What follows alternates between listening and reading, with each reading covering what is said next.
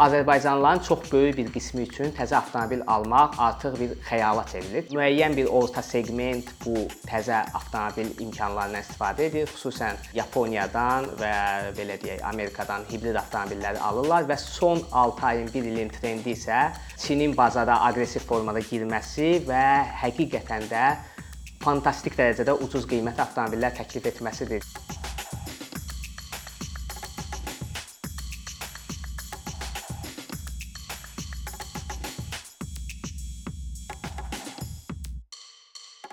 Orxan salam, xoş gördük səni ikincidə. 2023-cü ildə Dövlət Gömrük Komitəsinin bu xarici ticarətlə bağlı açıqladığı hesabatda maraqlı bir rəqəm diqqətimi çəkdi. Yəni bu ilin ilk 10 ay ərzində Azərbaycana təxminən 2500-ə yaxın elektrik mühərrikli avtomobil idxal olunub. Amma ötən illə baxanda bu rəqəm təxminən 400-500 ətrafı idi. Yəni ötən illə müqayisədə 6 dəfəlik bir artım var. Və hətta diqqətimi çəkdi ki, 2023-cü ildə Azərbaycana gətirilən elektrikli avtomobillərin sayı bundan əvvəlki bütün illərdə gətirilən avtomobilləri toplasaq elektrikli avtomobillər daha çox olur. Baxmayaraq mövzuya burdan başlamaq istərdim ki, 2023-cü ildə sizcə elektrik mühərrikli avtomobillərin idxalında bu qədər kəskin artım yaşanması nə ilə bağlıdır? Elə eyni zamanda Azərbaycanla yanaşı bəlkə qlobal trendlərə toxuna bilərik ki, hazırda qlobal avtomobil bazarında elektrikli avtomobillərlə mühərrik elektrik mühərrikli avtomobillə bağlı durum nə yerdədir? Salam Fərid, təşəkkür edirəm ilk özə mövzu üçün.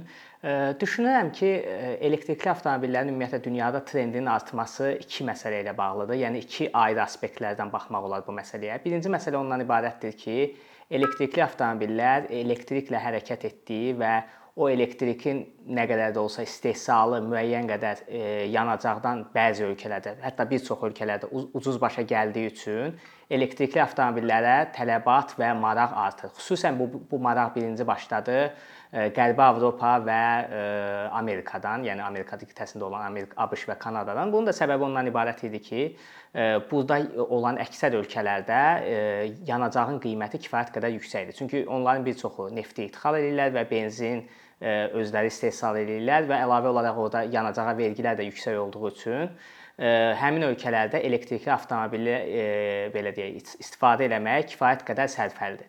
İkinci məsələ isə bir qlobal bir məsələdir. Qlobal iqlim dəyişikliyi bir çox ölkələrin, ümumiyyətlə dünyanın BMT-də başda olmaqla bir çox qurumların agendasında olan bir məsələdir ki, hal-hazırda qlobal iqlim dəyişikliyindən fəsadlarını azaltmaq, ondan qurtulmaq və ekologiyaya olan o emissiyanı azaltmaq barəsində düşünürlər. Bunlardan ilk ağla gələn məsələ nəqliyyatların, yəni nəqliyyat vasitələrinin yanacaq xüsusən də yanacaqla işləyən nəqliyyat vasitələrinin emissiyasını azaltmaq bir belə deyək məqsədi oldu ki, ilk olaraq düşündülər ki, elektrikli avtomobillər vasitəsilə bu emissiyanı azaltmaq olar. Bu nəzəriyyə də müəyyən qədər doğrudur və ona görə də insanlar xüsusən də son dövrlərdə artan o belə deyək, o təbiətçilər, yaşıllar dediyimiz belə deyək, əsasən də Avropada və Amerikada bu cərəyan onsuz da artır. İlk öncə onlar keçməyə başladılar və bəzi ölkələr də buna uyğun olaraq öz belə deyək, qanunvericiliyində yaşıl adlandırdığımız avtomobillərə, yəni EV-lərə müəyyən güzəştlər etməyə başladılar. Hansı ki, bu ola bilər e, parkinq məsələsi olsun, qeydiyyat məsələsi olsun, gömrük məsələsi olsun və hətta e, belə də ilkin e, belə onun yanacaq ödənişləri. Əslində ona yanacaq demək deyil, yəni fuel ödənişlərini müəyyən qədər dövlətlər subsidiya etməyə başladı. Ona görə də hal-hazırda bu temp artmağa doğru gedir. Bəs sadaladığın qlobal səbəblər Azərbaycan üçün də keçərlidirmi? Bizdəki bu kəskin artıma yenə eyni ə, həmin o xərclərə qənaət aspekti təsir edir. Azərbaycan da əslində mən bildiyim qədərilə BMT-də bu ə, yaşıl inisiativlə bağlı müəyyən öhdəliklər öz üzərinə götürür və Paris ə, iqlim konfransında da iştirak edir və o inisiativlərdən dövlət səviyyəsində bizim ən azından gördüyümüz ən böyük məsələ hibrid və elektrikli avtomobillər üzrə e, gömrük və vergi endirimləri oldu. Ümumiyyətlə bu barədə biraz danışmaq istəyirəm. E, Azərbaycana ixal olunan avtomobillərin e, vergi siyasəti iki form iki belə elementdən formalaşır. Ən ən çox yəni avtomobilin qiymətinə təsir edən. Birincisi idxala görə edilən aksis vergisidir ki, bu tərəf mən bildiyim qədərilə yanacaq belə deyim, mühərrikin həcminə görə hesablanır və nə qədər böyük mühərrikli avtomobil gətirdiyimiz zaman o daha baha başa gəlir. İkinci məsələ isə ƏDV məsələsi var ki, o isə artıq aksis vergisi hesablanandan sonra toplanan məbləğin üzərinə 18%lik ƏDV gəlir və Azərbaycanda hibrid avtomobillərə və elektrikli avtomobillər 3 illik müddətinə, ondan sonra yenidən 3 illik, yəni 2026-ya qədər bu uzadıldı. 3 yaşı və daha gənc, yəni təzə olan avtomobillər 2020-dən etibarən 3 üstəgəl 3, yəni 6 illik ƏDV-dən azad oldular. İşin digər bir tərəfi ondan ibarətdir ki, elektrikli avtomobillərin mühərrik həcmi olmadığına görə, yəni 0 e, nəzəri olaraq 0 litr mühərrik hesablandığına görə bunlarda nə aksis vergisi var və ƏDV də olmadığına görə e, avtomobili gətirdiyimiz zaman demək olar ki, çox kiçik bir məbləğ e, şərti ilə bir simvolik bir məbləğə e, vergi rəsm gömrük rəsmiləşdirilməsi edib istifadə etmək olar ki, eyni kateqoriyada, eyni seqmentdə və eyni e, xüsusiyyətlərə malik benzin və elektrikli avtomobillərin üzərində qiymət fərqi kifayət qədər böyükdür. Ona görə də hal-hazırda e, bir çox insanlar e, təzə maşın, təzə elektrikli maşın aldıqda hətta işlənmiş benzin maşınından daha ucuz başa gəlir deyə buna doğru meyl eləyir. Azərbaycanda son illərdə həm hökumət rəsmilərinin, həm də müstəqil ekspertlərin tez-tez gündəmə gətirdiyi bir məsələ də ölkədə avtomobil parkının yaşlı olması ilə bağlıdır. Mən bununla bağlı rəsmi rəqəmləri gözdən keçirəndə diqqətimi çəkdi ki, təxminən 2000-ci illərin ortalarından nə zaman ki ölkəyə böyük neft gəlirləri daxil olmağa başladı, bizdə yeni avtomobillərin sayında bir ardıcıl artım müşahidə olunurdu. Amma 2015-ci il devalvasiyasından sonra təbii ki, idxal edilən avtomobillərin qiyməti çox bahalaşdı, çünki manat öz dəyərini itirdi. 2015-dən sonra artıq köhnə avtomobillərin avtoparkda yaşı artır və Dövlət Statistika Komitəsi hər il 10 yaşdan yuxarı avtomobillərin sayını açıqlayırdı və məlum olmuş ki, Azərbaycandakı maşınların 80%-dən artığının ən az 10 il istismar müddəti var. Bu ildə maraqlıdır ki, Dövlət Statistika Komitəsi 10 plus deyil, 20-dən yuxarı yaşı olan avtomobilləri də açıqladı və məlum oldu ki, hətta ölkədəki avtomobillərin 45%-nin yaşı 20-dən çoxdur. Yəni bu deməkdir ki, Azərbaycandakı hər iki maşından az qala birinin 20-dən çox yaşı var. Və təbii ki, sənin də qeyd etdiyin həm gömrük rüsumları ilə bağlı, həm ƏDV ilə bağlı hibrid və elektrik mühərrikli avtomobillərə müəyyən güzəştlər edir. Amma necə düşünürsən, bu güzəştlər, sadəcə bu güzəştlər Azərbaycanda avtoparkın gəncləşməsinə kifayət edə biləcəkmi? Və ümumiyyətlə Azərbaycana daha az istismar müddəti olan, daha yeni avtomobillərin bizim avtomobil parkında payının çox olması ilə bağlı hansı addımlar atıla bilər? İlk öncə onu qeyd etmək lazımdır ki, həqiqətən bu gömrük güzəştləri hansı ki 3 ildən gənc təzə avtomobillərə edilən güzəşt kifayət qədər yaxşıdır, yəni cəlb edicidir. Yəni bunu biz hardan bilə bilərik? Məsələn, Rusiya, Türkiyə və digər ölkələrin təcrübəsinə baxsaq, onların gömrük siyasətinə baxsaq bununla bağlı xüsusən də elektrikli avtomobillər demək olar ki, gömrük bir rüsumu və vergilər tətbiq olunmur ki, biz həmin avtomobili demək olar daşınma xərcləri daxil edilməklə zavoddan çıxan qiymət üstəgəl daşınma xərci ilə Azərbaycana gətirib istifadə eləyə bilərik. Bu işin əslində pozitiv tərəfidir. Sadəcə problem ondan ibarətdir ki, əslində sən özün də vurğuladın, 2015-ci ildən sonra ölkədə 2 dəfə baş verən devalvasiya əhalini dünya üzrə sosial göstəricilərini kifayət qədər aşağı saldı və avtomobil elə bir şeydir ki, biz demək olar ki, hətta 99.99% ehtimal e, belə faizlə, şərtlərlə biz onu ancaq idxal edirik. Yəni xarici ölkələrdən alırıq və biz onun qiymətini dollar, avro və yaxud da digər bir formada ödəyirik. Və e, xüsusən də 2019-cu ildən sonra bu pandemiya yaranan müddətdə, dövrdə dünyada logistika məsələləri və xüsusən də çip məsələsi çatışmazlığı avtomobil qiymətlərini fantastik e, həddə artırdı. Hətta bununla bağlı bir e, bir şey qeyd eləmək istəyirəm. ABŞ-da həmişə e, ən aşağı seqment avtomobilləri 20 min dollar civarından daha aşağı olaraq qeyd edirdilər və pandemiya dövründə e, Amerikada son 20 min dollardan aşağı satılan bir avtomobil belə yox oldu və hal-hazırda Amerika kimi, yəni məsələn biz deyirik ki, bir çox şeylər ucuzluqdur, e, sərvətin çox yayıldığı bir ölkədir və Amerika kimi bir ölkədə 20 min dollardan aşağı qiymətə avtomobil demək olar ki, satılmır, yəni təzə avtomobil. Yəni təsəvvür edin ki, biz Amerikadan o qiymətə avtomobil alırıq, onun daşınması və s. kimi şeylər. Yəni təzə avtomobilin özü çox baha başa gəlir və e, bu bahalıq hətta dövlət bunun gömrük siyasətini ümumiyyətlə sıfıra çevirsə belə Azərbaycanlıların çox böyük bir qismi üçün təzə avtomobil almaq artıq bir xəyala çevrilib. Çünki onsuz da pandemiyadan sonra yaranmış kifayət qədər bahalılıq və 2015-in fəsadlarının hələ də qalması insanları normal formada yığım edir və təzə avtomobil almağa məsələn ən azından 3 ildən bir, 5 ildən bir, 10 ildən bir buna imkan vermir. Ona görə də hələ də müəyyən bir orta seqment bu təzə avtomobil imkanlarından istifadə edir. Xüsusən Yaponiyadan və belə deyək, Amerikadan hibrid avtomobilləri alırlar və son 6 ayın, 1 ilin trendi isə Çinin bazara aqressiv formada girməsi və həqiqətən də fantastik dərəcədə ucuz qiymətli avtomobillər təklif etməsidir ki, əslində biz bu elektrikli avtomobillərin bir tərəfdən də artımını bunda görürük ki, e, bazar qiymətindən hətta 10 min, 15 min dollar ucuzuna e, xüsusilə gəldə gömrük və vergi endirimi demək olar ki, 90-95% olduğuna görə bu avtomobilləri gətirmək hal-hazırda cəlbedicidir. Amma yenə də e, əhalinin təxminən 50-55 və 60% civarında bir sosial statuslu əhali bu belə deyək, bu fürsətdən faydalana bilmir. Çünki imkan məsələsi var burada. Bəli, əslində biz bunu ən çox son illərin ən çox müzakirə edilən avtomobili Prius nümunəsində görürük. Bəli. Hansı ki daha çox taksi kimi istifadə olunur bu avtomobillər və onların bir çoxu heç o 3 il istismar müddətinə təbii ki cavab vermirlər. Yəni bir tərəfdən hibrid avtomobillər artır, amma bunun özü avtomobil parkının gəncləşməsinə bir o qədər də çox təsir etmir. Çünki gələn hibrid avtomobillər də yeni avtomobillər deyil.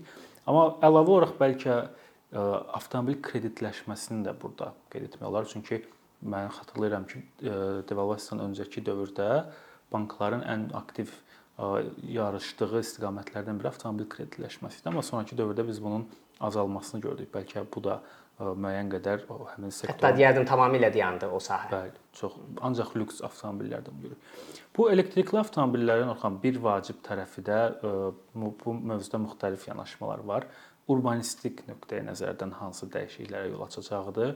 Yəni Bakının ənənəvi, bəlkə də küçədə sorğu keçirsək, ən çox insanların qeyd edəcəyi problemlərdən biri ictimai nəqliyyat və ümumiyyətlə nəqliyyat, tıxaclar, nəqliyyat sistemi ilə bağlı problemlərdir. Maraqlıdır elektrik avtomobillərinin və yaxud hibrid mühərrikli avtomobillərin artmasının ölkənin ictimai nəqliyyatına və ümumiyyətlə tıxaclara, nəqliyyat sisteminə bir təsiri var, yoxsa bu mövzuda bir o qədər də yeniliklərə səbəb olmayacaq bir trenddir? Bu məsələdə də yenə də kiçik müsbətlər və bir çox mənfiləri mən qeyd eləmək istəyirəm. Yəni biraz bu məsələyə qutudan kənar yanaşmaq istəyirəm. Birinci növbədə urbanist əsas urbanistiklərin, yəni belə deyək, bu sahə ilə məşğul olan insanların əsas arqumenti və kifayət qədər doğru arqumenti budur ki, avtomobilin hansı formasından, hansı yanacaq növündən su ilə belə işləsə, asılı olmayaraq avtomobil şəhərdə yer tutur, yəni xüsusən də fərdi avtomobildən söhbət gedir və e, avtomobilin yanacağının dəyişməsi ictimai nəqliyyatı və şəhərin mobilliyini heç cürə yaxşı eləmir. Yəni bunu birinci növbədə bu bir e, aksiomadır. Yəni bunu e, şübhə eləmək olmaz. İkinci məsələ ondan ibarətdir ki, e, əslində hibrid avtomobilləri müəyyən qədər əhalinin müəyyən sosial bir hissəsinə sərfəli olsa da, bu hibrid avtomobillərinin gətirilib, xüsusən də taksi fəaliyyətində istifadə edilməsi benzin xərclərini, avtomobilin əsas özəyi olan yanacaq xərclərini aşağı saldığına görə taksi xidmətinin qiymətini kifayət qədər ucuz edir və bu ucuzluq müəyyən qədər bir dempinqə səbəb olur və nəticə olaraq ictimai nəqliyyat daha az cəlbedici olur. Çünki insanlar görür ki, e, belə deyək, 3 nəfər insan 1 manata yaxın və yaxud 1 manatdan daha çox məbləği avtobusla getdikdə daha az komfortda verəcəklər e, belə deyək öz səyahətlərinə. Onlar görürlər ki, 1 manatdan biraz yuxarı bir məbləğ, məsələn 2 manat 50 qəpik, 3 manata daha komfortlu taksi ilə və daha sürətli getmək olar. O insanlar taksini seçirlər. Yəni bu özü e, belə deyək, dünyadakı ölkələrə baxsaq, Azərbaycanla xüsusən də qərb ölkələrində ictimai nəqliyyat və taksi qiymətlərinin arasındakı fərq Azərbaycanda kifayət qədər azdır və bu özü ictimai nəqliyyata mənfi təsir göstərən səbəblərdən biridir. İkinci bir məsələ də ondan ibarətdir ki, əslində bunu bir müəyyən qədər müsbət hesab eləmək olar. Elektrikli avtomobillər nə qədər biz desək də ki, elektrikli avtomobil nəticə olaraq onun istehsal olunduğu elektrik əksər hallarda yanacaqdan, daş kömürdən və sairədən istehsal olunan enerjidən əldə olunur. Yəni bu əslində tam da yaşıl deyil, amma elektrikli avtomobil istifadə elədiyimiz mühit müəyyən qədər təmiz qalır. Çünki biz o belə deyək, o tüstünü, o qazı şə artıq şəhərdə buraxmır. O hardasa zavodda istehsal olunur və orada qalır. İstənilən halda şəhər mühiti müəyyən qədər ə, xüsusən də dəm qazını və digər məsələləri götürəndə hansı ki insan üçün ziyanlıdır, bu tərəfdən müəyyən qədər müsbət irəliləyiş ola bilər. İkinci bir digər məsələ isə səs kirliliyi məsələsidir ki, elektrikli avtomobillər belə deyək, daxili yanma mühərriklərinə nisbətən səssiz işləyir deyə şəhərlərdə səs kirliliyi müəyyən qədər azala bilər və o da stress səviyyəsinin azalmağına səbəb olar. Əks halda amma digər məsələləri götürdükdə xüsusi xüsusi bir qlobal dəyişikliyə səbəb olacağını düşünmürəm. Elektrikli avtomobillərin nəqliyyatda özünü yaxşı yer tutması üçün bir vacib məsələ infrastrukturdur. Çünki ənənəvi yanacaq doldurma məntəqələrinin sayı kifayət qədər çoxdur. Düzdür, son dövrlər Bəzilərində artıq elektrikli avtomobillər üçün də müəyyən stansiyalar var, amma hələ də çox gözə dəymir. Bax bundan maraqlıdır ki, Bakı e, bir tərəfdən deyir ki, elektrik mühərrikli avtomobillərin sayı artır. Digər tərəfdən həmin avtomobillərin yanacaq ehtiyatını təmin etmək üçün infrastruktura nə qədər hazırlıqlıdır. Ümumiyyətlə dünyada bunun müzakirələri necədir? Elektrikli avtomobillər çünki e, bir qədər fərqlidir də orada infrastruktur ehtiyac olan infrastruktur. Bununla bağlı Azərbaycandakı vəziyyət necədir? Nələr etmək olar və dünyadakı müzakirələr nədir bu barədə? İlkin öncə ona baxmaq lazımdır ki, e, biz batareya texnologiyasından, yəni 1 ildir, 2 il istifadə eləmirik. Bu batareya texnologiyası həyatımıza ən azı 20-30 illik girib. Yəni ən bunun bariz nümunəsi smartfonlardır və digər elektrikli əşyalardır ki, hansı ki biz mobil olaraq istifadə edirik, kameralar və s. Biz bilirik ki, batareya, batareyanın enerji dolunluluğu anında baş vermir. Yəni adi bir telefonu ən azı 1 saat, saat yarım elektrik cərəyanında saxlamaq lazımdır və nəzərə alsaq ki, avtomobilin batareyası telefondan bəlkə də yüzlərlə, minlərlə dəfə böyükdür. Bu batareyanın tam dolumu, yəni belə deyək, benzin mühərriki, yanacaq mühərrikinin daha çox getdiyi məsafə qədər getməsi üçün ehtiyac olan yanacağı 8 saat, 10 saat, bəzən də 1 gün ərzində doldurmağa ehtiyac olur. Yəni hazırki texnologiya bundan ibarətdir və bunun özü böyük bir sual yaradır. Çünki daxili yanma mühərriki ilə işləyən, benzin və dizellə işləyən avtomobilləri biz yanacaq doldurma məntəqəsində anında dolduraraq səyahətimizə davam edə bilirik. Amma elektrikli avtomobili mütləq şəkildə harasa park edib uzun müddətli formada ya biz nə iləsə məşğul olmalıyıq, ya çıxıb getməliyik. İstənilən halda bu e, daha çox problem yaradır. Bunun ən əsas həllərindən biri hal-hazırda insanların düşüncəsi, dünyada olan trend odur ki, həyət evlərində yaşayan insanlar üçün bu daha uyğundur. Öz həyət evlərində park edirlər və doldururlar gecədən səhərə qədər.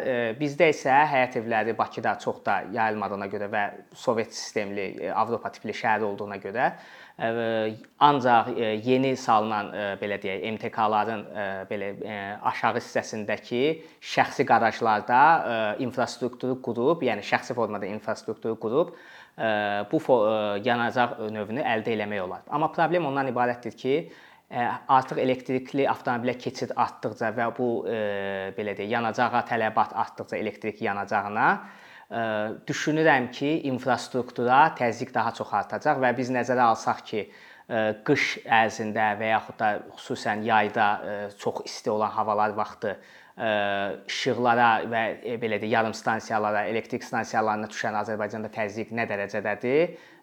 Və düşünsək ki, bir binada 50-100 avtomobil birdən-birə gecə boyunca elektrik cərəyanına yüklənəcək. Bunun fəsadları barədə indidən düşünmək lazımdır.